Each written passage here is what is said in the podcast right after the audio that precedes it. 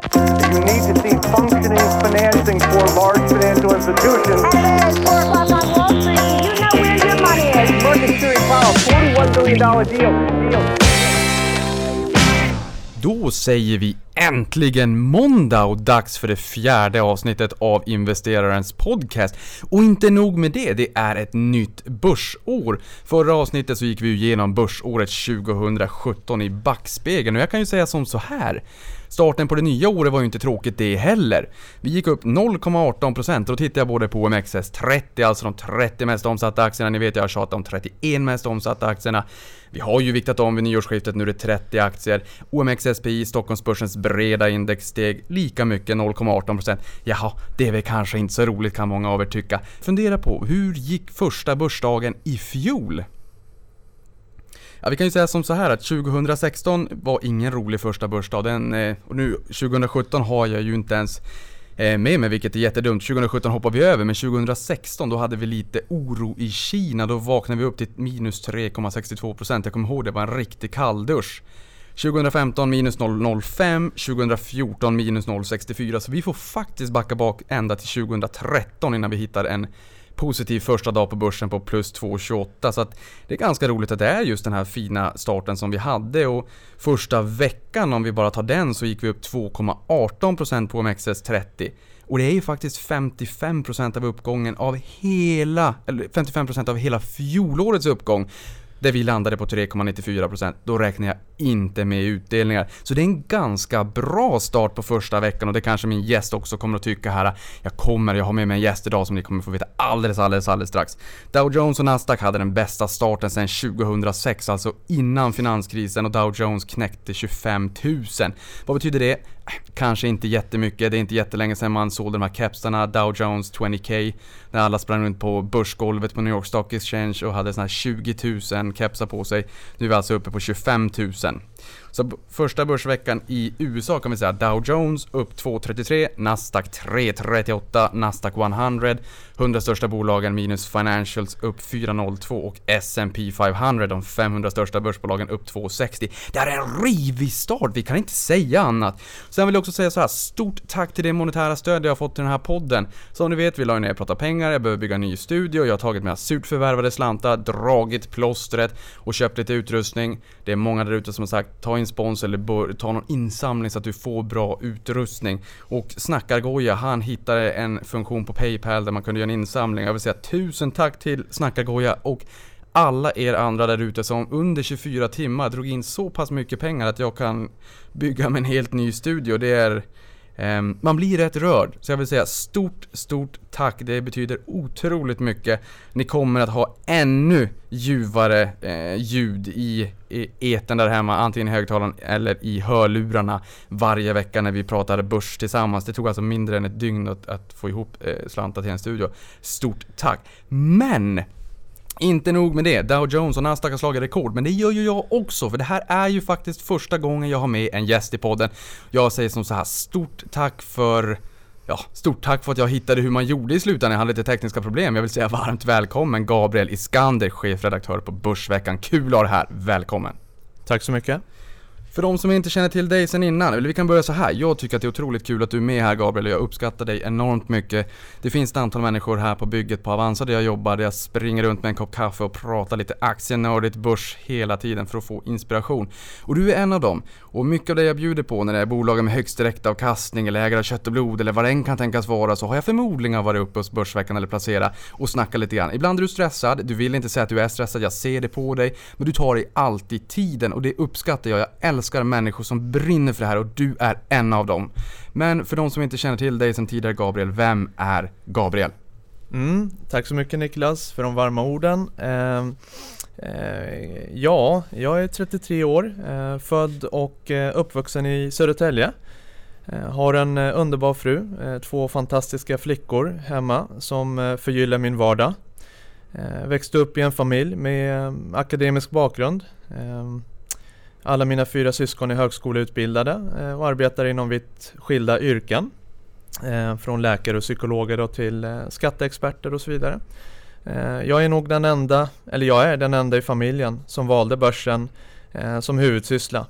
Även om det inte alls var självklart från eh, första början då. Nej, och då kan man också säga som så här att för du säger att det är både psykologer och, eh, jag jag menar psykolog, börspsykologer, det måste ju vara fantastiskt bra i familjen att ha någon som kan hjälpa dig för det är ju otroligt mycket psykologi på börsen. Så att jag menar, och, och, även de här skattefrågorna. Ja men det här är ju någonting du får om du går till en private banking. Så får du ju någon som, ja du kanske inte får en börspsykolog. Jag såg på nyhetssoffan att det finns en bitcoin-psykolog, Ja, hör precis. och häpna. Men vi har ju även skattejuridiska frågor, så att du har ju ett litet private banking hemma hör jag. Mm, absolut, ja, men eh, lite grann eh, blir det ju så och eh, det är klart att eh, nu tack och lov så har jag inte behövt besöka eh, syrran då som är psykolog ännu men, eh, men eh, det kanske kommer, eh, vad vet jag. Eh, nej men så är det och eh, det är väldigt kul. Jag har växt upp i en stor familj och en väldigt eh, kärleksfull familj och, eh, och det är jag evigt tacksam för. Ehm, eh, Men, men jag eh, studerade naturvetenskap i gymnasiet, eh, hade matematik som favoritämne. Eh, Lite ovanligt bland vänskapskretsen. Men jag har alltid haft ett intresse för siffror och problemlösning. Och jag tror att det kommer från min mor då, som arbetade som eh, matematiklärare i unga dagar. Ehm, Och efter gymnasiet så valde jag att studera vidare på Handelshögskolan i Stockholm. Ehm, där förstärktes mitt intresse för finansbranschen och eh, aktier då avsevärt. Eh, engagerade mig ganska tidigt i eh, börsrummet och näringslivsutskottet eh, vilket eh, var väldigt, väldigt givande. Eh, man träffade en hel del eh, nya människor eh, med samma intresse för finans och eh, eh, högskoletiden var väldigt eh, lärorik. Eh, jag- Men där kan jag säga som så här, för just det här matten blir jag lite nyfiken på. För att många här i branschen tänker ju, många som kanske är utanför branschen men tycker att det här med sparande och aktier är roligt och sådär. Och hur, hur mycket behöver man kunna? För att jag känner liksom att du har ju väldigt förspänt för dig. Både med liksom skattejuridiska frågor och du har psykologen och mamma då som är duktig på matte och du är själv lätt för siffror och sådär.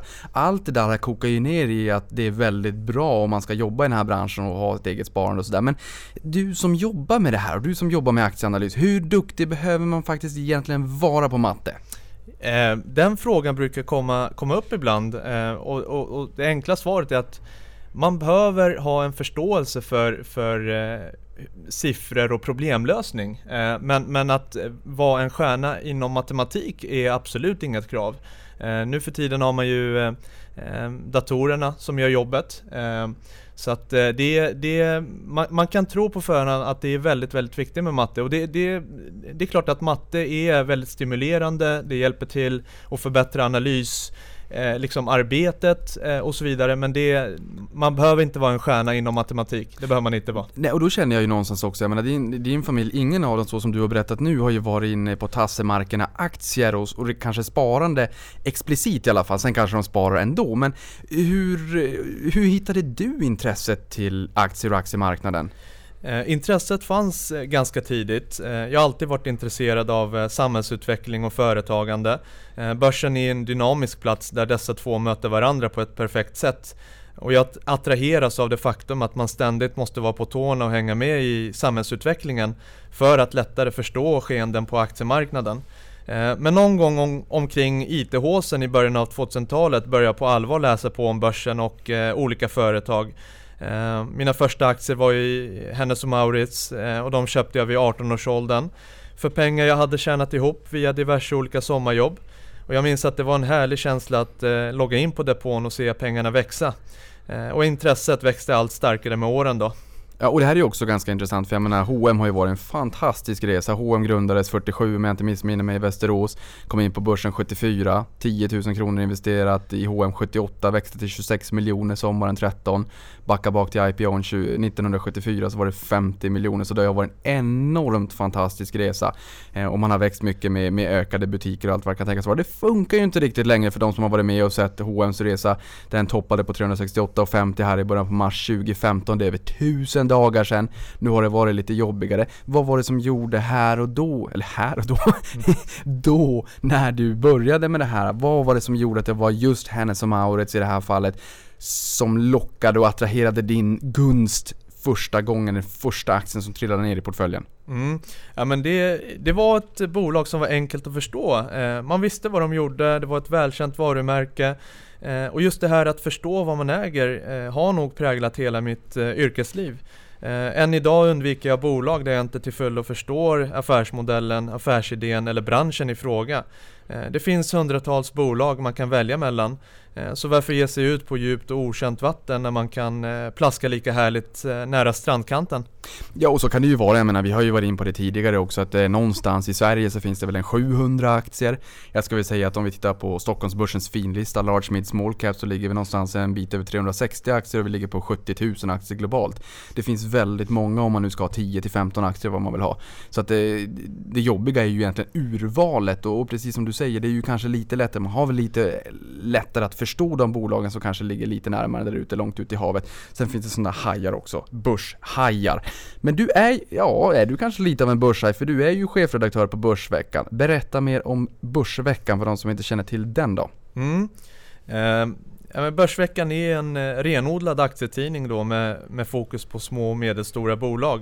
Eh, vi journalister tittar på alla möjliga typer av bolag och branscher. Eh, tidningen grundades eh, innan jag föddes, och har således över 33 år på nacken. Den grundades av bland annat legendariske Björn Davegård som var ett välkänt ansikte inom aktiesvängen på framförallt 80 och 90-talet och filosofin har varit densamma under alla dessa år. Det är nämligen att hitta köpvärda bolag på de mindre listorna. Börsveckan har idag ja, drygt 6000 eh, betalande prenumeranter. Men eh, antalet som läser tidningen vet vi är mycket högre. Ehm, och bland eh, prenumeranterna så, så, finns många fondförvaltare, analytiker och välkända investerare men även väldigt många nya sparare som fått upp ögonen för börsen då. Ehm, ambitionen är därför att analyserna ska vara lättlästa, enkla att förstå så att även nybörjare ska kunna hänga med. Ehm, och syftet med tidningen är ju att vara en inspirations och informationskälla för våra läsare. Eh, vi skriver uppåt 300 analyser per år och gör dessutom en eh, rad olika branschspecialer då där vi gör en djupdykning i exempelvis IT-konsulter, investmentbolag, banker, eh, verks verkstadsbolag, industrigrossister, spelbolag och så vidare. Och så vidare. Ehm, och utöver allt detta så förvaltar vi två fiktiva modellportföljer ehm, den ena är Börsveckan-portföljen då som innehåller våra Eh, bästa case då för stunden och eh, som är ett eh, stående inslag i tidningen. Och sen så har vi även utdelningsportföljen då som vi tar fram i början av året och eh, ser över endast eh, 3-4 gånger per år. Och den senare är ju lite mer för byrålådan kan man säga. Ehm, och båda dessa har gått bra historiskt sett och har därför en ganska stor skara anhängare. Ja, och det är ju så. Jag använder ju själv Börsveckan för jag tycker att det är intressant att se hur ni tänker när ni analyserar bolag. Jag menar, jag har ett flertal olika tidningar, jag har konkurrenter på stan också, jag har Dagens Industri och man har Affärsvärlden. När man har de här tidningarna försöker liksom se, okej okay, vad pratar de för bolag? Hur resonerar de? Vad är det de tycker är intressant? Vad är drivarna i bolaget? Varför ska det här bolaget gå bra framåt? Vad det kan tänkas vara? Och det gör ju att jag också bygger min kunskapsmassa. Jag brukar säga att livet är som en schweizerost full av hål som fyller med kunskap. Och man saknar nog förmodligen kunskap i alla lager, från liksom det absolut bästa, ny, eller mesta nybörjarlagret till det högst avancerade kunskapslagret. Och det är just därför det är så otroligt intressant att ha det här stödet också. Och antingen liksom för att eh, rakt av köpa eh, aktieanalyserna, vad vet jag, men jag använder det i mångt och mycket för att bli en bättre investerare och förstå hur ni tänker och kunna anamma den här kunskapen själv som en finansiell sparringpartner. Eh, men hur hamnade du på Börsveckan då? För jag tror också att det finns vissa lyssnare som kan tycka att det här är intressant. Jag skulle också vilja göra den här karriären. Jag skulle också vilja vara chefredaktör på en låda som sitter och analyserar aktier hela tiden. Hur hamnade du på Börsveckan och hur, hur kan mina lyssnare hamna på samma ställe? Mm. Eh, jag började faktiskt arbeta lite smått för Börsveckan under mina första studieår på Handels eh, efter att ha kommit i kontakt med dåvarande ägaren till tidningen Peter Benson då Eh, och det handlade mest om att optimera värderingsmodeller, eh, lite enklare studentjobb eh, helt enkelt. Efter ett tag så fick jag skriva min första analys på prov. Och jag minns att det var om livsmedelskoncernen Sardus. Jag hade aldrig skrivit en analys tidigare och, och la ner väldigt mycket tid på att förstå bolaget och branschen i fråga. Så att själva analysen kunde kvalificeras in i tidningen då. Ehm, det var ju en provanalys eh, trots allt. Och eh, Sardus minns jag var lite av ett eh, turnaround-bolag på den tiden. Ehm, ett ganska knepigt bolag att förstå sig på. Ehm, Vad gjorde hur- de, vad gjorde de Ja. riktigt? För jag tror, inte, jag tror att det är många som inte vet vad Sardus var för någonting. De, de var ju verksamma inom livsmedelsbranschen och hade ett par välkända varumärken i, under sitt paraply då. Exakt vad de, liksom vilka produkter och så, det minns jag faktiskt inte. Nej. Det var mer än tio år sedan då. Men, men eh, det var, det var ett, ett ganska tydligt eh, liksom turnaround-bolag och eh, eh, analysen landade faktiskt i ett köpråd och, och, och några veckor efter så kom faktiskt ett bud på bolaget från eh, en finsk aktör som, som heter Atria. Eh, och och det, det gjorde att rådet blev en succé. Och det här visar ju att ibland har man flyt med tajmingen och, och efter det här så fick jag faktiskt eh, mer smak för aktieanalys. Eh, och uppdragen blev allt fler från eh, Börsveckan och då hade jag fortfarande ett, två år kvar av studierna. Men jag skrev eh, flera analyser parallellt med högskoletiden då och sen fick jag ett erbjudande att eh, börja eh, arbeta för Börsveckan eh, direkt efter examen då. Men det var ju absolut inte självklart att, att tacka ja.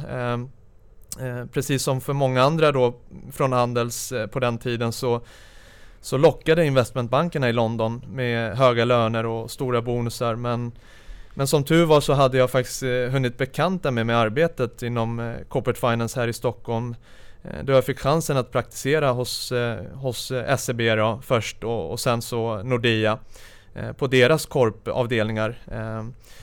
Då var man en, en riktig färsking, runt 21 år och Eh, jobbade 80, 80 timmar i veckan inklusive helger eh, i princip. Och SEB Enskilda som det hette på den tiden eh, de tog in en kandidat per år från Handel så det var väldigt tuff konkurrens om just den platsen. Så när man väl fick chansen då så kunde man inte tacka nej riktigt. Och, men det här gjorde mig flera erfarenheter rikare och framförallt fick jag känna på hur investmentbanking-livet i London potentiellt skulle kunna sett ut då. Eh, då det var ganska snarlik arbetstempo och arbetsuppgifter då. Man kan säga så här också, det här var ju innan Brexit så att jag menar med facit i hand så du hade ju haft mycket mer ont i magen idag om det är så att du hade varit i London där så det är ju skönt och då hade du inte varit här heller så det är ju skönt att det inte blev så i slutändan utan det blev hemma i Sverige istället helt enkelt. Precis, ja men så är det. Men det var väldigt eh, häftigt då att vara med och, och, och, och arbeta i ett team eh, eh, för att sätta ihop stora affärer och man fick väldigt mycket ansvar eh, även som en ung junior analytiker då. Ehm, jag minns också att man, man fick faktiskt träffa rätt eh, välkända finansmän i arbetet vilket jag tyckte var superhäftigt och något man kunde gå tillbaka till skolan och skryta, skryta med och så vidare. Och jag minns att vi var med och hjälpte Melker Schörling då börsnotera sitt eget bolag. Ehm, och eh, nej, men det, det, det var superhäftigt. Och, men men, men det, det, efter de här två praktikarbetena så kände jag ändå att nej, det är aktieanalys jag vill eh, syssla med. Det, det, det är det här jag har störst intresse för och, eh, Eh, och tackade nej då till, till det som dök upp där inom korpsvängen. Så att, eh. Men jag undrar med korpsvängen och sådär också, för jag menar det är ju intressant att få en förståelse för hur aktiemarknaden fungerar och när bolag kommer till börsen och eh, när det är olika eh, corporate actions, alltså när man kanske ska ta in pengar och vad det kan tänkas vara i nyemissioner. Det kan ju vara offensiv och defensiv och det får vi väl prata om här. Antingen framåt idag eller framåt i, i, i en kommande podd, vad det kan tänkas bero på, men, eller ber, vad det betyder. Men, men jag tänker just när man är inne i den här svängen Lär, lärde du dig mycket om aktier och aktieanalys? Så, för nu sa du ju här att i slutändan så valde du att det där var inte riktigt ditt spår utan du ville ju hålla på med aktieanalysen så att det tolkar jag som att det inte var så. Men, men, men fick du liksom lära dig mycket om aktier och det här eller var det snarare dynamiken i branschen, de olika aktörerna, hur funkar det när ett bolag går till börsen, vad kan hända där? Att du fick in liksom vad ska man säga, det periferia, det, det, kontexten av börsen? Eller var det också väldigt mycket fokus på, på aktier och aktieanalys och hur man blir en bättre investerare. Vad säger du där? Mm. Eh, det var lite blandat. Eh, som junior medarbetare i, eh, i en corporate finance-verksamhet så får man göra väldigt mycket slitgörat. Det innebär att man till exempel får vara med och, och ta fram väldigt mycket material och rådata och det handlar väldigt mycket om research i, i ett första skede.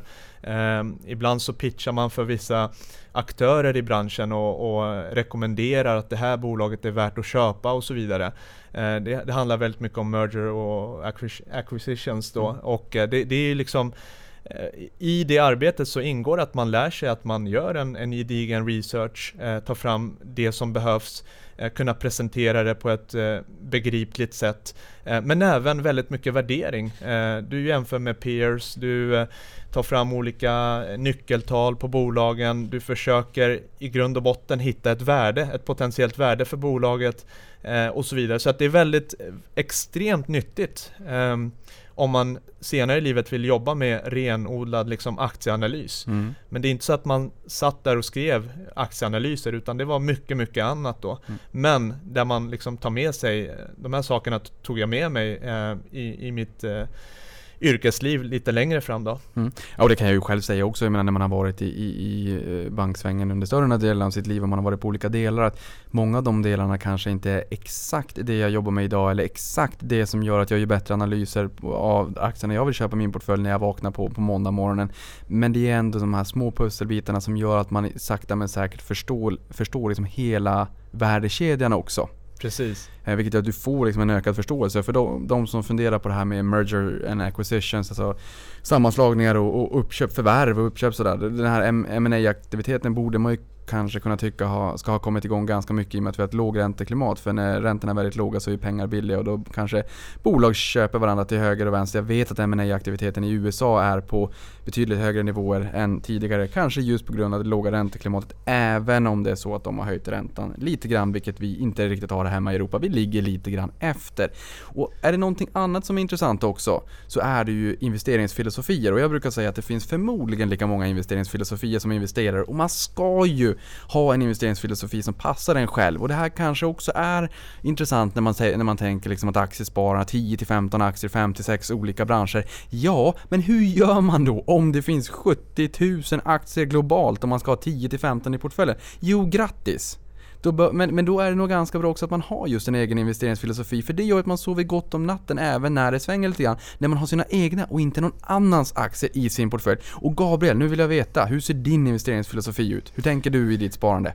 Ja, eh, jag skulle säga att min investeringsfilosofi är densamma som den vi har på Börsveckan. Eh, jag letar primärt fundamentalt eh, billiga bolag eh, som har en god tillväxt och en stabil lönsamhet. Eh, det är kanske ett lite tråkigt svar men billiga bolag kan alla hitta om man enbart ser till P tal och andra relevanta nyckeltal och jämför med börsen som helhet eller ställer dessa mot jämförbara bolag. Det är bara att screena fram bolagen med lägst P tal och plocka från den listan. Men gör du det här så blir du sannolikt inte så framgångsrik på börsen. Ehm, ett bolag som handlas till ett lågt P tal behöver nämligen inte per automatik vara köpvärt. Eh, det är långt ifrån faktiskt. Det, det finns oftast en god anledning till att värderingen är låg. Eh, och här möter man ibland många som säger att ja men aktien är billig och handlas till P8, det är klart man ska köpa. Ja men riktigt så enkelt är det inte. Eh, det, det som på sikt avgör om du blir en framgångsrik stockpicker är just hur pass duktig du är på att analysera förutsättningarna för i i P-talsformen. Eh, priset är ju känt, men i och eh, dess förutsättningar måste analyseras ordentligt så att du som investerare har en slags edge eller liksom en hyfsat klar uppfattning kring var vinsterna är på väg. Och helst i vilken hastighet dessutom. Eh, och det är nämligen de framtida vinsterna som sätter dagens pris på aktien. Eller rättare sagt förväntningarna om de framtida vinsterna. Vi vet inte vad bolag X tjänar om två, tre år. Men, men kan vi göra en, en bra analys och bygga realistiska scenarion eh, utifrån det fakta vi har grävt fram, ja då, då ligger vi bra till för att kunna förstå vad det riktiga P-talet är och inte bara utgå från vad bolaget presterar idag. Och det är just den här jakten, att försöka vara före alla andra och ha ett bättre beslutsunderlag än övriga som jag tror är avgörande för hur duktig man blir på att hitta kursvinnare. Och, och, och sen är det så att prognoser och scenarion Eh, det blir ju det är sällan de infrias på det sätt man hade tänkt sig men, men ligger man hyfsat rätt så, så är extremt mycket vunnet redan. Eh, så att eh, jag skulle säga att stockpicking med fundamental analys som bas, eh, det, det är det jag primärt jobbar med helt enkelt. Jag vet inte om det var svar på, det, på frågan. Jo, men, men just den här fundamentala analysen och titta på de hårda fakta, liksom försäljning och marginaler och vinster och allt sånt där som man kan ta på. Allt kan man ju inte ta på, för som du säger, det är ju liksom förväntan om framtiden. Men använder du teknisk analys någonting Eh, jag, tror vark, jag tror, om jag får gissa, att varken du eller jag gör det. Men, men sådana som oss, Gabriel, kanske kan säga att ja, man kanske kan titta på teknisk analys för att det blir en självuppfyllande profetia om man tror att 100 kronor på en aktiekurs är ett motstånd och 90 kronor är ett stöd och bryter det 100 kronor och alla sitter och väntar liksom, nej men 100 kronor det bryter aldrig. Och sen ner till 90 kronor, det går aldrig under, det är som en studsmatta, det vet man. Solen går upp varje morgon, det där är samma grej. Eh, vilket det såklart inte är. men man skulle kunna säga, och då tror man att det här, oh, då ser man, ah, nu bröt det igenom 100 kronor, nu jädrans händer någonting, nu ska alla köpa och springer alla dit på en gång. Och då kanske man kan tycka att det kan vara ett bra entry-läge att köpa in sig i aktien där och då. Och då.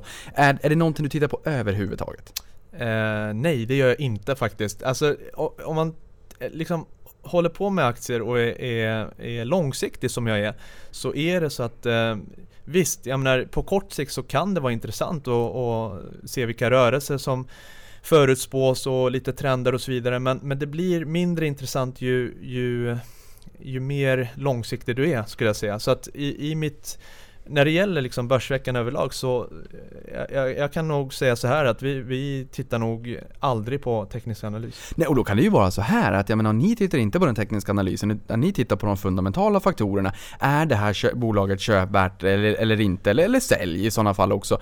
Eh, I branschen i stort så är det ju alltid mera köpråd än säljråd. För säljråd, om du då inte ska blanka en aktie, ja då måste du sitta och äga den och då där är det inte alla kunder som gör det. Så det blir ju oftast eh, köpråd helt enkelt. Eh, men, men då kan ju ni säga att ja, men det här är ett bolag som kan vara köpvärt nu för vi tror på det här av den här och den här och den här anledningen. Och sen kan de som läser det här bilda sig sin egen uppfattning med er input som underlag och då kan ju de, om de vill, titta på den här tekniska biten. Jag tycker det är lite roligt, har man långsiktiga aktier i en portfölj och har de gått lite svagt en tid och, och det jag kanske tycker att ja, men det här spelar ingen roll långsiktigt, ja men då kan det vara lite roligt att köpa där och då. Men tekniskt, nej jag tittar väl inte riktigt heller på tekniskt. Och jag menar, har man en, en eh, horisont på 20 år, ingen kommer komma ihåg P-talet på Assa Abloy om 20 år. Nej. Sen är är ju. Assa Abloy ett för stort bolag för dig Gabriel. Ja, ja men precis. Ja, men det, det är så. Jag, jag skulle säga att liksom, eh, om man tittar på min investeringshorisont så är den nog eh, kanske två till tre år då. Men eh, eh, Två till tre år, eh, och för total kan det vara längre i vissa bolag och kortare i andra, eller hur ser det ut där? Ja absolut, det här innebär inte att jag håller alla mina aktier så länge. Vissa säljer jag inom ett år, andra har jag behållit i mer än fem år och kanske lite mer till och med. Alltså tjusningen med börsen är att du kan hänga med bolagen och dess utveckling på ganska nära håll. Eh, man får ju se fyra kvartalsrapporter per år och däremellan en massa nyheter oftast. Eh, så länge caset är intakt och bolaget levererar enligt eh, förväntningarna då som du har så finns det ingen anledning att sälja. Och förutsättningarna för börsbolag förändras inte över en natt. Även om man kan tro det baserat på dagliga kurs, kursrörelser då. Men däremot ska man inte heller gifta sig med sina case. Eh, det tycker jag inte. Utan eh, kommer det signaler som inte överensstämmer med dina initiala förväntningar eller förhoppningar så gäller det att eh, ompröva caset. Eh, sälj och gå vidare i värsta fall om casets fundamenta förändras så pass mycket att du känner osäkerhet. Det finns eh, som sagt väldigt många andra bolag där ute att välja mellan och man ska absolut inte vara rädd eh, för att ligga med en, en, en kassa liksom under tiden du jagar nya case. Eh, det är, det är oerhört viktigt att liksom inte filtrera bort information som inte överensstämmer med, med ens egna syn. Eh, hjärnan gör ju det ganska ofta, det är liksom massage för, för eh, det egna egot då. Men, men det är tvärtom eh, väldigt nyttigt tror jag att, att man diskuterar case med personer som tycker annorlunda. Eh, man ska ha en lagom dos av conviction tycker jag och hela tiden vara ödmjuk och lyhörd för signaler som kommer från bolagen och eh, dess omvärld. Eh, Ja, jag tycker, men jag tycker det är liksom, allt det här är ju givetvis lättare sagt än gjort. Ja, just den här tycker jag är väldigt viktig också, för just det här med att man ska ha en lagom conviction att om man köper ett bolag att eh, man ändå ska vara öppen för negativ input också. För jag menar, det, det kan ju vara så att den här negativa inputen är nonsens, absolut. Men är den inte det så kan det ju vara liksom bra för dig också som sitter med den här aktien Absolut. i portföljen att fundera, okej, hmm. Jag hör vad de säger. Kan det här vara negativt för bolaget? Och är det så? Jag, jag har bolaget i portföljen, men som sagt, man kanske inte ska gifta sig med aktier. Jag tycker man kan ju gifta sig med aktier om man vill, men då får man skriva äktenskapsförord om det här. Aktierna inte riktigt överensstämmer med, med när man en gång stod där på altaret och sa att ja, vi lovar varandra evig trohet i portföljen eh, hundra år framåt. Ehm, men, men just att, att vara lite öppen ändå för kritik och liksom fråga hmm, Påverkar det här mitt innehav? Och i sådana fall, hur ska jag tänka då? Fingerprint är ju ett typiskt sånt fall som eh, det, det fanns en, en Fingerprint-sekt och sen så var det väldigt många som, som hejade på det där och jag menar det här handlar om pengar och det är väl klart att folk vill att ens egna innehav ska gå bra. Så att den diskussionen i social media var nog inte alltid helt balanserad. Men där tror jag att det hade kunnat vara lite nyttigt kanske, och många andra fall också, att fundera lite grann kring hmm, den här kritiken som finns mot bolaget, är det någonting jag ändå ska ta mig en funderare kring? Det, det, finns väldigt många fall kring det här och precis som du säger, jag tycker att det här är nyttigt. Så att blunda inte bara för, för den, den negativa inputen som kan finnas kring ett bolag utan se till att vara öppen. Man blir en bättre investerare då också, för då måste man ju hitta de här argumenten. Jag ser den där negativa inputen, men jag håller inte med därför att. Absolut. Blir mycket bättre i sådana fall. Men vi pratar låga P tal eh, P talet är det vanligaste nyckeltalet, alltså price earnings, hur många gånger årsvinsten man betalar för ett bolag. Och du säger att det är det framtida som gäller. Det är klart att det är kul att titta på historiken också, se hur ett bolag har presterat och hur bolaget själv har presterat fundamentalt. För att just hur, hur marknaden värderar en aktie och hur bolaget presterar när det kommer till försäljning och vinst och sådär, de kan ibland glida isär lite grann från varandra. Och det har ju med marknadssentiment om börsen är sur, om man vill ta bort spelmarknaden och allt vad det kan tänkas vara då. Men, men just det här E, hur gör man där egentligen? Jag, menar, jag vill ta bostadsmarknaden som ett exempel. Vi ser hur vad kvadratmeterpriserna har varit historiskt och sen så blir det liksom en sättning i marknaden, alla blir livrädda, alla börjar prata bostäder i fikarummet och sen faller E eller earnings, eh, eller liksom förväntningar skulle man väl kunna säga, eh, förväntan om framtida försäljningspriser och sen säger alla att bostadsmarknaden går ner. Vad gör du? För aktiekursen, den är ju som sagt, den är ju känd. Men vad gör du i ditt dagliga jobb för att försöka eh, prognostisera det här E eller earnings, hur mycket bolaget ska tjäna? Tittar du på estimat från, från eh, olika aktörer? Eller räknar du själv eller en mix däremellan? Hur mycket försöker du räkna fram det här själv? Ja men det är en bra fråga Niklas. Eh, det är, det är ju ett, eh, man måste beakta lite olika faktorer när man liksom försöker eh, räkna fram vad ett, ett realistiskt eh, E är, alltså vinsten. Och, eh, jag tycker att liksom, överlag så är det en bra utgångspunkt eh, att utgå från låga P-tal för att hitta långsiktiga kursvinnare. Ehm, sen är det jättefarligt att bara titta på P tal och dra slutsatser direkt som jag sa innan. Man måste lägga ner ganska mycket tid för att själv bilda sig en uppfattning om huruvida liksom nyckeltalen är realistiska eller inte eh, på de prognoser som finns. Och, och pratar vi småbolag, ja då finns inga estimat att utgå från och då måste man göra hemläxan själv från början. Men jag letar hellre kursvinnare bland bolag med lägst P tal än vice versa eh, om jag blir tvungen att välja. Men eh, de här mindre bolagen också som ni tittar på på Börsveckan när det är eh, på de mindre listorna, kanske small och mid cap. Ehm, hur ofta finns det exempelvis försäljningsprognoser i de här bolagen och hur ofta är det så att ni måste räkna själv eller sitta och ringa upp VD och finanschef? Mm. För det är ju inte samma genomlysning på de här bolagen som vad det är på de största bolagen på börsen. Precis, ja, men i, i, eh, i de flesta fallen så, så finns inga estimat eh, att utgå från. Eh, och det här ställer givetvis rätt höga krav på, på att man själv ska göra ett gediget arbete och en analys som, där man, som jag sa tidigare, bygger upp realistiska scenarion och, och förväntningar på bolaget så att man kan få en, en bra känsla för var vinsterna är på väg och så vidare. Så att, ja, och tar vi ett bolag som kanske håller på med bilar säger vi Eh, och sen så har de en egen prognos, eller så har de inte. Hur, ehm, hur sannolikt är det att du kanske går in på en sida som Bil Sweden som jag ser ibland i terminalen där de säger att ja, men det är så här många nyregistreringar på bilar och vi tror bu eller bä. Hur ofta är du inne på exempelvis branschorganisationer och sådana periferia källor för att försöka samla in data för, för din egen analys? Ganska ofta eh, och, och, det här ingår ju i researcharbetet att man eh, vidgar sina vyer, eh, tar input från eh, liksom alla håll och kanter. Eh, det är klart att det är väldigt, väldigt intressant med branschsiffror överlag. Det är ju, sätter ju liksom trenden för marknaden eh, och så vidare. Och, och eh, så att det, det gör vi ganska ofta ska jag säga.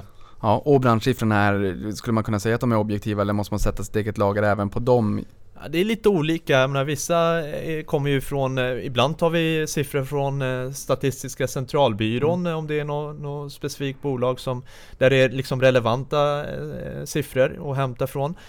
Andra branschorganisationer tycker jag, de flesta lever upp till, till en ganska rättvis Ja men det, det är seriösa organisationer. Ja det, det, det, tycker jag. Eh, Sen någonstans måste man liksom lita också på, på att det är korrekta siffror och så vidare. Så att, eh, Just det, Niklas du får inte vara sån konspiratoriker. Nu är det så här också, vi har gått in i ett nytt börsår och då blir jag lite nyfiken. Ni på Börsveckan, vilka branscher är extra heta 2018? Tell us everything. Ja, en eh, knepig fråga måste jag säga men, men eh, det är, alltså en bransch som vi på Börsveckan gillat rätt länge är ju eh, faktiskt spelbranschen. Och då menar jag framförallt gambling då, inte dataspel. Och den branschen har vi hårdbevakat kan man säga de senaste åren och det händer otroligt mycket just nu.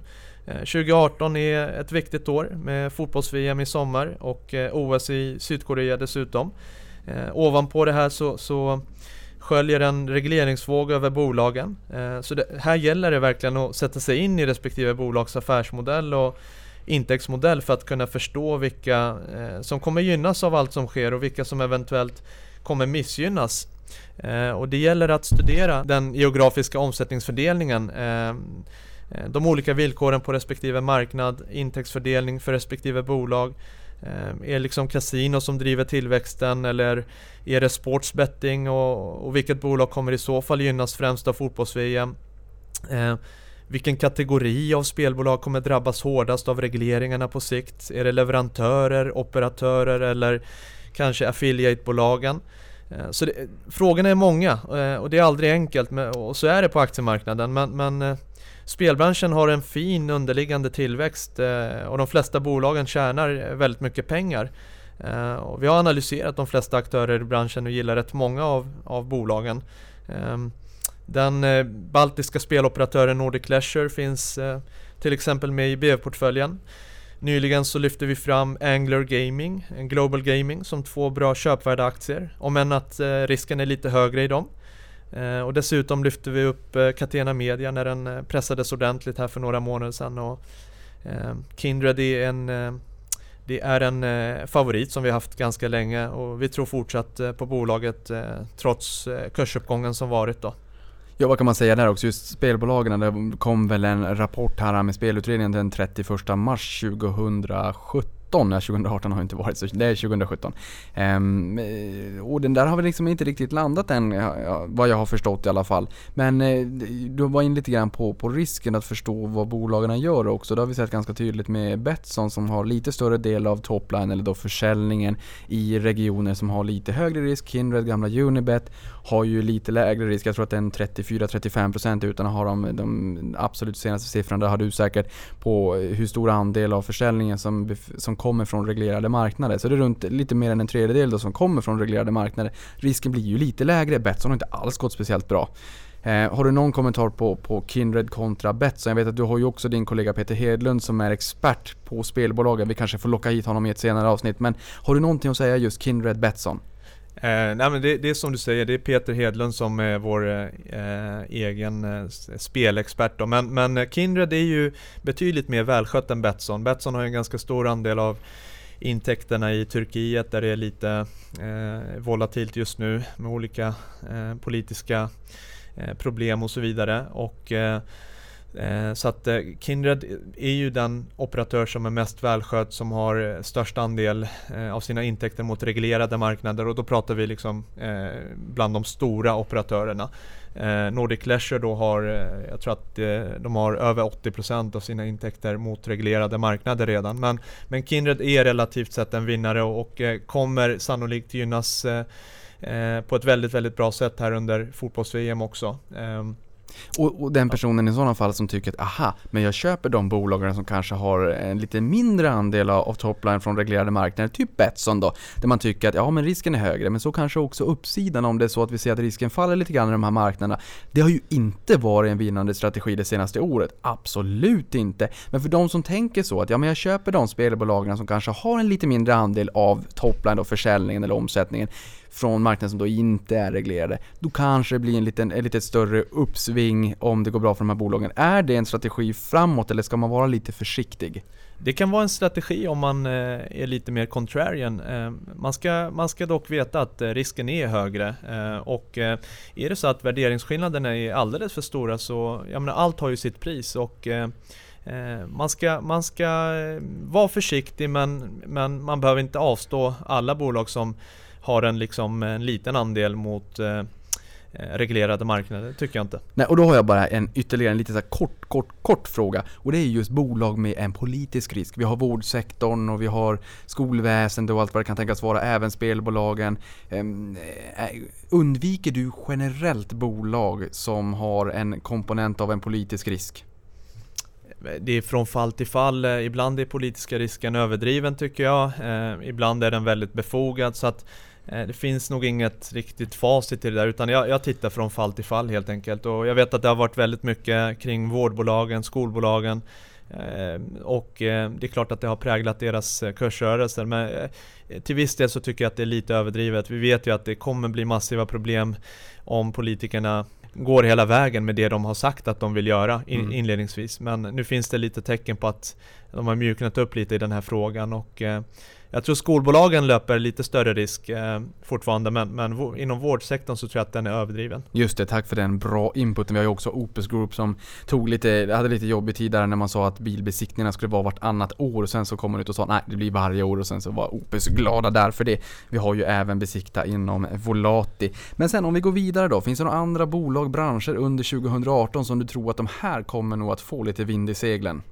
Ja, eh, jag tror att det finns bra bolag i alla branscher oavsett börsklimat då, men allt beror ju på hur långsiktig man är. Eh, men om jag måste välja en specifik typ av bolag så skulle jag nog säga eh, sådana som har en tydlig förvärvsmodell och där man historiskt bevisat att man kan göra värdeskapande förvärv.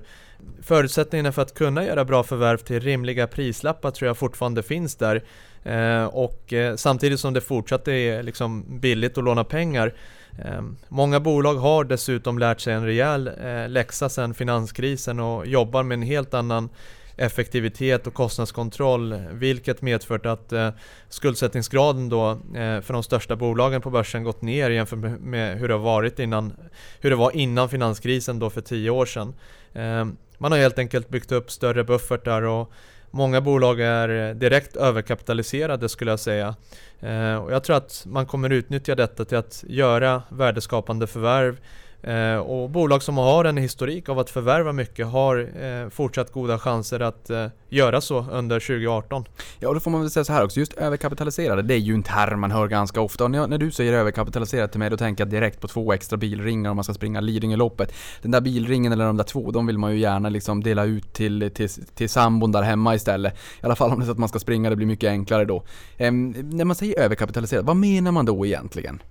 Ja, man menar eh, konkret att eh, bolaget har för mycket kapital i relation till investeringsbehov och eh, eh till liksom intjäningsförmågan. Ja, och där vill man ju inte ha pengar på banken heller. För jag menar, vi, du och jag privatpersoner, där har bankerna inte gått så långt att man får betala för att ha pengar på banken.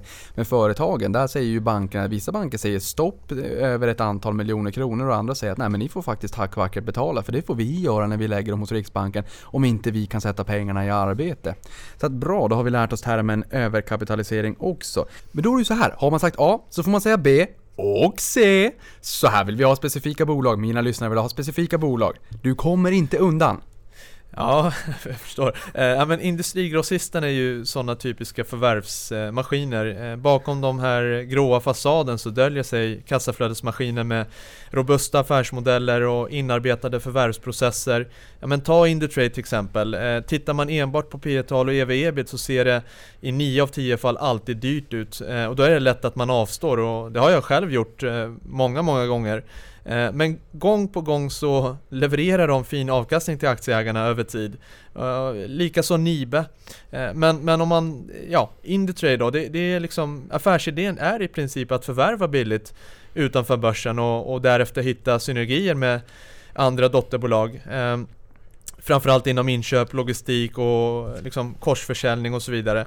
Man har en decentraliserad koncernstruktur, man låter bolagen verka mer eller mindre som de alltid har gjort men ger stöd i form av centrala funktioner då som IT och marknadsföring.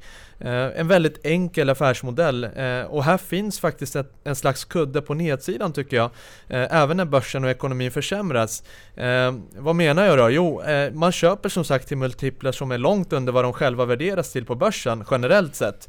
Eh, och i goda börstider så uppvärderas dessa enormt. Ehm, I sämre tider inte lika mycket givetvis, men då går även priserna ner på köpobjekten utanför börsen. Så då köper även Indutrade dessa bolag billigare. Eh, och har man då is i magen så kommer uppvärderingen så småningom, för det handlar inte enbart om multipelexpansion för de köpta bolagen, utan även om att bolagen i fråga tillförs den hjälp de behöver, eller det stöd de behöver för att kunna växla upp ett par snäpp och därmed även kunna växa vinsterna på egen hand också. Så industrigrossisterna är definitivt eh, underskattade varelser och de passar väldigt bra i många olika portföljer, eh, i synnerhet om man är lite mer långsiktig då. Så Indutrade och Nibe? Ja. Och det tycker jag också är ganska intressant, för du säger ju lite grann här att man kan köpa bolagen till, eh, till låga multiplar. Och är det så att marknaden faller så faller ju allt. Det är ju lite grann som bostadsmarknaden, faller den och du ska köpa en större bostad och i början av din bostadskarriär som jag är, 30 år tyvärr passerat gränsen, så köper jag ju större. Eh, så att det blir jag köper och säljer i samma marknad. Och jag menar här också, det blir ju då som sagt om nu tar en eh, industri, eh, ett industribolag eller ett förvärv, de här industrigrossisterna kanske handlas till P20 säger vi på börsen. Historiska snittet 100 år har varit 14, 15, Var, var liksom Eh, P-talen för 100 år sedan säger de idag, det vet jag inte riktigt. Men, men eh, om det är så att man då köper ett bolag utanför börsen, för där är ju som du säger, värderingen är ju billigare. Köper man dem till 5-6 gånger resultatet och sen så köper man in dem i ett bolag som handlas till 20, då tar man ju en Allimack-hiss rakt upp i himlen så får man ju upp värderingen. Och sen så får man de här synergierna när man, när man ändå, för just Indutrail Indutrade låter väl ändå bolagen vara decentraliserade och köra sin egen låda så att säga, men när man kan merga system med inköp och man kan pressa priser och allt vad det är så får man ändå fram de här synergierna. Tycker jag är ganska intressant och det är ju många bolag, Betsson inte minst, som också har använt den här hissen så att säga, man köper bolag till låga multiplar, får upp dem till den värdering som Betsson värderas på börsen så att säga. Mm. Eh, vi har ju haft eh, Patrik Wallén i, i Prata pengar tidigare också. De gör ju samma grej. Eh, de köpte till en ev-ebit om 5,8 eh, i snitt och handlas ju inte eh, där i närheten alls på, i den börsnoterade miljön. Du pratade lite om ev-ebit. Kort, många tittar på P talet Ni tittar mycket på ev-ebit. När ska man använda vi, vad så att säga och vad är fördelen med ev-ebit istället? Mm. Eh, men eh, jag tror att eh, det beror på lite vad det är för bransch och bolag och så vidare. Men EV-EBIT tar ju hänsyn till eh, skuldsättningen på ett helt annat sätt än vad P talet gör. Eh, och eh, jag, jag, brukar kombinera de två eh, och eh, titta på båda då. så att båda är lika bra skulle jag säga. Men, men ibland så kan man applicera EV-EBIT på, på en annan typ av bolag då som har lite högre skuldsättning och, och så vidare. Och, Ehm, så att, så är det. Just det, och det är precis, och vi har, man använder ju ofta många olika nyckeltal för att få lite grann en känsla. Och just det här P talet det är ju liksom, eh, som vi då vet, det är ju aktiekursen i förhållande till vinsten. Och vinsten kan ju, aktiekursen kan ju vara hög för att många vill betala mycket för bolaget eller stora förväntningar. Och vinsten kan ju också kanske vara lite dopad på grund av att man har en hög skuldsättning i bolaget och vad det är. EV-EBIT, alltså Enterprise Value, när man tittar på alla, liksom total balansomslutning. Det är ju som att titta på en lägenhet. Jag är ju inte brydd om vad du Gabriel har för eget kapital i din bostad om jag ska köpa den utan jag är ju brydd om ja, men vad vill du ha för bostaden? Så att jag tittar ju på hela värdet så att säga, hela enterprise value. Eh, och så ebit, alltså det är ju då rörelseresultatet. Så att det, det blir, blir, ju kanske lite mer en, en, ett ärligt nyckeltal där man liksom justerar lite grann för skuldsättningen. Men man kan titta på båda. Bra att du, att du gick, att du vidareutvecklade det där lite grann, för det här är ett nyckeltal som jag tror att många kan tycka är lite sådär eh, knepigt. Men, men nämns lite här och där. Mm. Sen, vilka är dina jaktmarker då? För någonstans små, medelstora, small cap, large cap, small cap, mid cap. vilka listor tittar du på? Aktietorget, First North, är du där och harvar någonting? Eh, ja, alltså, alltså jag och resten av BV-gänget jagar ju framförallt på small och midcap-listorna. Eh, när jag kollar tillbaka på de senaste tre åren och ser vilka bolag vi primärt eh, gillat då så har det framförallt handlat, handlat om midcap-bolag och, och, därefter kanske small caps. Ehm, följt av slutligen large caps. Ehm, så att det, det är kanske ingen slump. Midcap-bolagen är mycket intressanta tycker jag. Ehm, det är bolag som har ett par miljarder i börsvärde och som därmed är riktiga bolag med en eh, affärsmodell som bevisligen fungerat historiskt. Eh, och annars hade bolaget i fråga inte vuxit eh, så pass att man hade kvalat in i midcap. Men samtidigt är dessa inte heller för stora vilket gör dem till intressanta uppköpskandidater. Alternativt så har de mycket utrymme kvar att växa framgent genom till exempel förvärv. Det är liksom den perfekta sizen skulle jag säga. Large caps är det, det, är för stort eh, och överanalyserat och har oftast lägre tillväxt eh, relativt av bolagen på de mindre listorna. Eh, man tänker direkt på storbankerna och Telia exempelvis, vilka i och för sig absolut inte behöver ratas fullständigt i en bredare aktieportfölj. Särskilt inte ur ett riskspridningsperspektiv då, men lite för tråkiga för, för vår smak.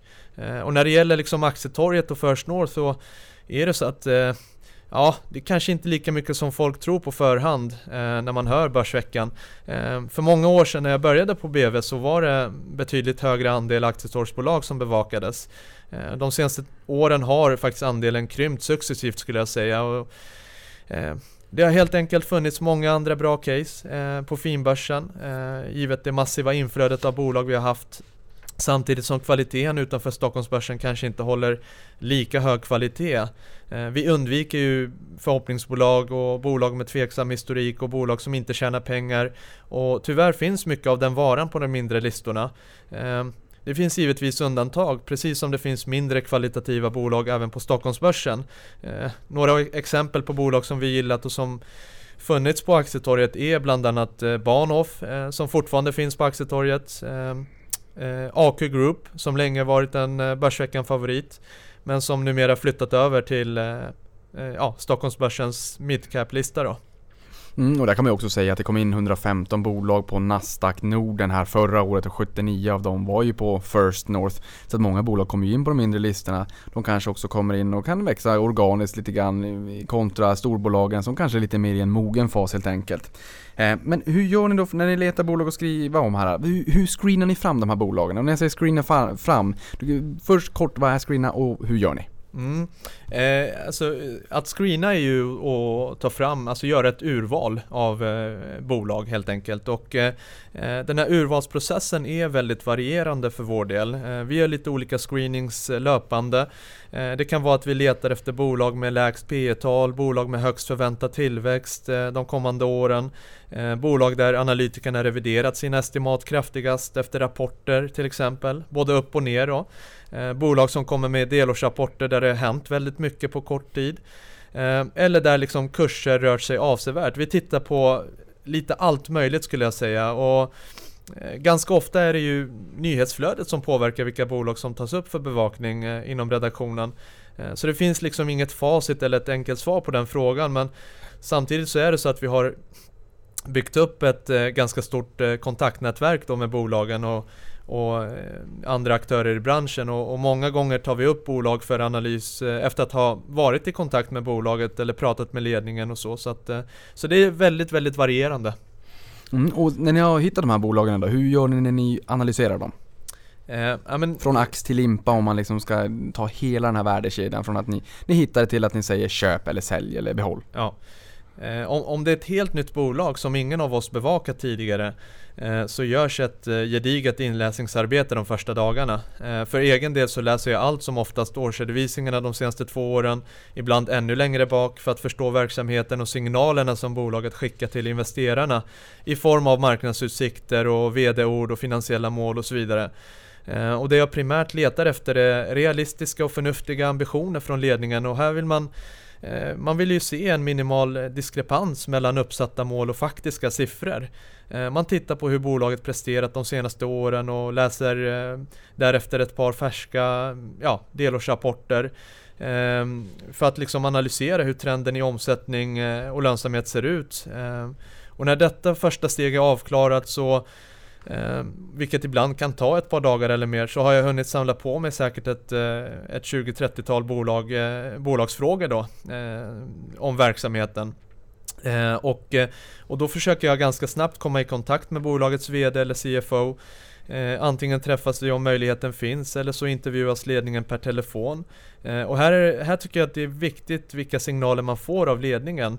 Eh, man får en bra känsla genom att träffa bolagen och personerna bakom. Det är, jag tycker det är oerhört nyttigt och man kan få en, eh, liksom en, en god uppfattning kring eh, hur seriösa de är och så vidare. Eh, variationerna är tyvärr rätt stora kan jag säga liksom efter, efter tio års diverse olika samtal med bolagsledningar och så. Ehm, men rent generellt är bolagen väldigt måna om att återkomma snabbt och, och ge ett bra intryck. Och ställer man rätt frågor så kan man dessutom få ut lite mer information än vad som kanske står i rapporterna. Eh, då det finns bättre möjligheter givetvis för vidareutveckling av resonemang och så vidare. Ehm, och det här är liksom när allt det här är gjort så eh, sitter jag ner och liksom matar in färska siffror i värderingsmodeller som vi har. Eh, jag lägger in eh, dels historiska data för att bygga en god sifferbank om bolaget som man kan gå tillbaka och studera vid behov. Eh, och dels så lägger jag in olika antaganden om eh, långsiktig tillväxt och lönsamhet. Och den här modellen ger en känsla kring långsiktigt värde på bolaget men den är ju, det är ju långt ifrån komplett då. Eh, och eh, jag får ganska snabbt fram en rad olika nyckeltal som jag studerar och eh, ställer mot andra bolag i branschen. Under samma veva så försöker jag få fram så mycket info som möjligt kring konkurrenter och marknad och intäktsmodellen. En slags SWOT-analys kan man säga. Och där nu säger SWOT-analys för de som inte känner till det, alltså det är ju styrkor, och svagheter och möjligheter och hot då, så att man försöker bena ut vad, vad har bolaget för styrkor och styr, styrkor här och vad mm, kan det finnas för svagheter man kanske måste jobba med lite grann. De här styrkorna liksom, vilka möjligheter skapar det här? Men även eh, svagheterna kan ju också skapa möjligheter. Eh, så att, så att man liksom har lite grann koll på vad som kan hända. Absolut, ja, men det, det är superviktigt. Det är en väldigt, väldigt viktig del av eh, arbetet eh, som är liksom, alltså bakomliggande arbetet eh, bakom en analys kan man säga. Och, men sen så tittar vi även på balansräkningen och skuldsättningen givetvis. Och, eh, finns det mycket goodwill och hur ska man tänka där? Och hur ser nettoskulden i, i förhållande till vinsterna ut? Och, Kassaflödet är väldigt, väldigt viktigt, investeringsbehovet och när man har liksom samlat på sig det här eh, tillräckligt med faktaunderlag så, så, så, försöker jag slutligen räkna på aktien och bygga upp ett antal scenarion för bolaget och klura fram hur dessa olika scenarion kommer påverka eh, omsättningen och lönsamheten och, ehm, eh, och så är det, det är väldigt mycket liksom siffertunga eh, övningar men, men eh, man ska inte glömma bort eh, värdet av de här mjuka faktorerna också. Och en, en sak jag tittar väldigt mycket på också är huvudägarnas track record. Och, eh, och tillsammans med det här så, så allt det här ger ju en samlad bild och känsla om aktiens potential på både kort och lång sikt. Eh, men det är ju liksom, det är mina subjektiva bedömningar och antaganden baserat på den inläsning och instudering av bolag som jag har gjort. Och det här måste man alltid tänka på som läsare och investerare att eh, man har alltid eget ansvar när man handlar med aktier. Ehm, och, och, och, så. så att, ehm. Ja, och just det här med track record när du säger det också, att kunna titta på hur har bolaget presterat tidigare och vilka eh, personer finns det som eh, representerar det här bolaget och litar på dem. En fråga här också är, när, när du hör av dig till de här bolagen, du säger att under de tio åren du har hört av dig till VD och finanschef och sådär och vissa är duktiga och andra inte. Ett bolag som inte är sådär duktigt och där du inte får en så bra magkänsla och tycker att det här, mm, det här sköter de inte bra. Mm. Påverkar det din analys av bolaget? Absolut, det gör det. Och, och då är det så att man lägger in någon form av förtroende förtroenderabatt i, bo, i, liksom, i caset. Mm. Uh, ja, jag tycker det är jätteviktigt. Ett bolag som inte hör av sig och inte har ett intresse för att liksom återkomma till uh, Eh, till journalister eller analytiker överlag tycker jag, det, då, då är det något som inte stämmer i, i organisationen. Det är oerhört viktigt eh, i dagsläget. Eh, och, så det är klart det påverkar. Mm, och jag tycker att det är väldigt bra för det är väl faktiskt människor det handlar om. Vi börjar närma oss timmen och det innebär att vi måste avrunda men det innebär också att vi kommer att göra en del två. Det är ganska svårt att sätta två aktienördar i en studio och tro att det ska eh, vara under en timme eller bara en timme. Det är liksom dömt att misslyckas. Men sist men inte minst så ska vi ha ett nyhetssvep och sen så kommer ni att nästa vecka så kommer vi att prata om, antingen nästa vecka eller under veckan, det beror på lite grann vad ni tycker. Men jag tänker just här, en timme, det är ganska bra, det är lagom långt. Och sen så spelar vi in liksom nu direkt, så att jag menar, när ni hör det här, så den andra delen finns ju så här Eh, redan. Och då tror jag att, ja men jag lägger nog kanske ut den lite senare i veckan, men, men då, har, då har vi fyllt liksom en timme i alla fall och sen så har ni någonting att se fram emot fortsättningen här också. Men nyhetssvepet ska vi hinna med.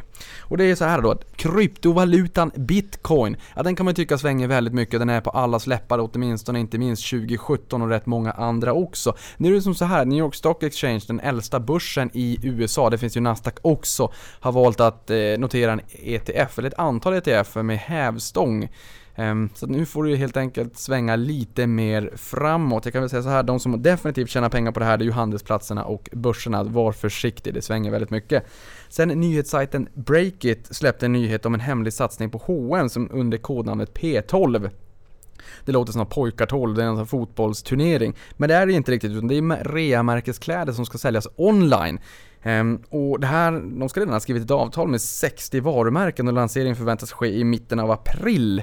Och den här artikeln menar att det här var lite som galne Gunnar men på nätet online. Ni som har blåst ut ljusen på minst 40 tårtor, ja ni vet väl på ungefär vad jag pratar om när jag säger galne Gunnar. Jag var väldigt liten när det begav sig men jag kommer ändå ihåg att det fanns en sån i Boden, 100 mil upp från Stockholm. Ingen vet vart det är om det är inte så att man har gjort militärtjänsten, då är ett antal som vet vem det är. Eller att det var Sveriges största militärstad, nu har de lagt ner i princip allt vad som heter militären och sen så kommer bitcoin dit istället. För nu ska det brytas bitcoin i Boden. Men det var inte en del av nyhetssvepet. Eh, sen de bästa tech-IPOerna i USA 2017 var Roku, eh, Roku, Roku eh, med plus 270%. Det är alltså streaming, eh, eh TV-streaming, eh, en både hårdvara men även mjukvara. Så en konkurrens, eh, konkurrent till Hulu eller till Netflix skulle man väl kunna säga. Upp 270%. Sen har vi Redfin 108% upp och CarGurus upp 87%. Medans Snap, moderbolaget till Snapchat och Blue Apron var sura citroner.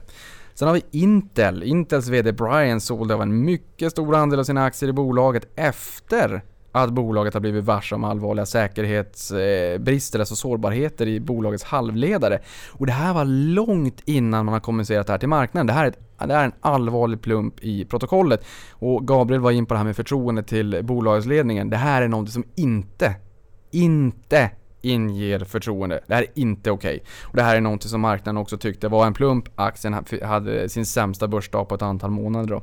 Sen har vi Spotify ansökt om, mm, om notering på New York Stock Exchange. Det var inte Nasdaq. Det är synd för oss som äger aktier i Investor, för Investor är största ägaren i börsen Nasdaq med ungefär 15%. Eh, utan New York Stock Exchange istället. Sen var det så, jag var på, på Nasdaq i USA, då sa de ja jo men vi kan ju sno bolag från Nyse och det får man väl försöka attrahera. Så vi kanske tror att den framtiden kanske kommer flytt från Nyse till Nasdaq, det vet jag inte. Vi får väl hoppas på det i alla fall. Eh, men sen så fick de en stämning på sig på närmare 13 miljarder kronor och det är ju inte vad jag hade velat ha i alla fall. Sen är det väl kanske vanligt i branschen. Sen har vi H&M igen. Stänger en butik på centrala shoppingstråket på Drottninggatan i Stockholm och bolaget menar att eh, de kommer stänga en del butiker framåt och, eftersom att online växer snabbt. Men eh, det här betyder ju inte att de inte kommer öppna nya butik butiker i nya marknader och även i befintliga marknader men på, på strategiskt viktiga lägen. Eh, jag vet inte om det är en offensiv eller defensiv signal. Jag skulle säga att det är en defensiv signal eh, och kanske, eller ja, kanske offensiv också men, men lite för sent. Vad ska de göra? Alla frågar sig the death of retail och att man är lite, ute lite för sent och att man har mycket butiker och att alla beställer online och allt vad det. är. Sen har de frakt när man beställer också, sluta med det H&M. Sen har vi eh, Dometics nya VD Juan Varge som köpte aktier för 10 miljoner kronor i slutet på 17 och ytterligare 10 miljoner strax efter årsskiftet. Det gillar vi, pilotskolan är bra, jag gillar pilotskolan. Sen kan vi säga så här att 52% av bolagen på S&P 500, alltså de 500 största börsbolagen i USA, har försvunnit sedan 1961. Och den förväntade livslängden för företag på listan idag har sjunkit från 61 till 17 år. Det är ganska stor skillnad. De lever alltså inte lika länge, det går mycket, mycket fortare idag. Och sist men inte minst så såg jag en fin bild, en fin graf från The Motley Fool eh, som säger så här The long game... Punkt, punkt, punkt, The odds of losing money in the S&P 500 från 1871 till 2015. Ja, äger man aktier under en dag så är det 53% sannolikhet att förlora pengar. 6 månader, då är den 18%. Ett år 12%, 5 år 20%. Förlåt, 1 år 32%, jag är helt ute och cyklar.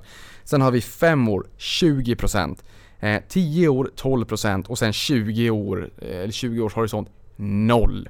Det här är ju ingen garanti för framtiden, men det är ändå ganska intressant att se att ju mer långsiktig man är, eh, desto mindre sannolikhet att man gör en dålig affär. Sen har man ju inte räknat med något nysparande i det här.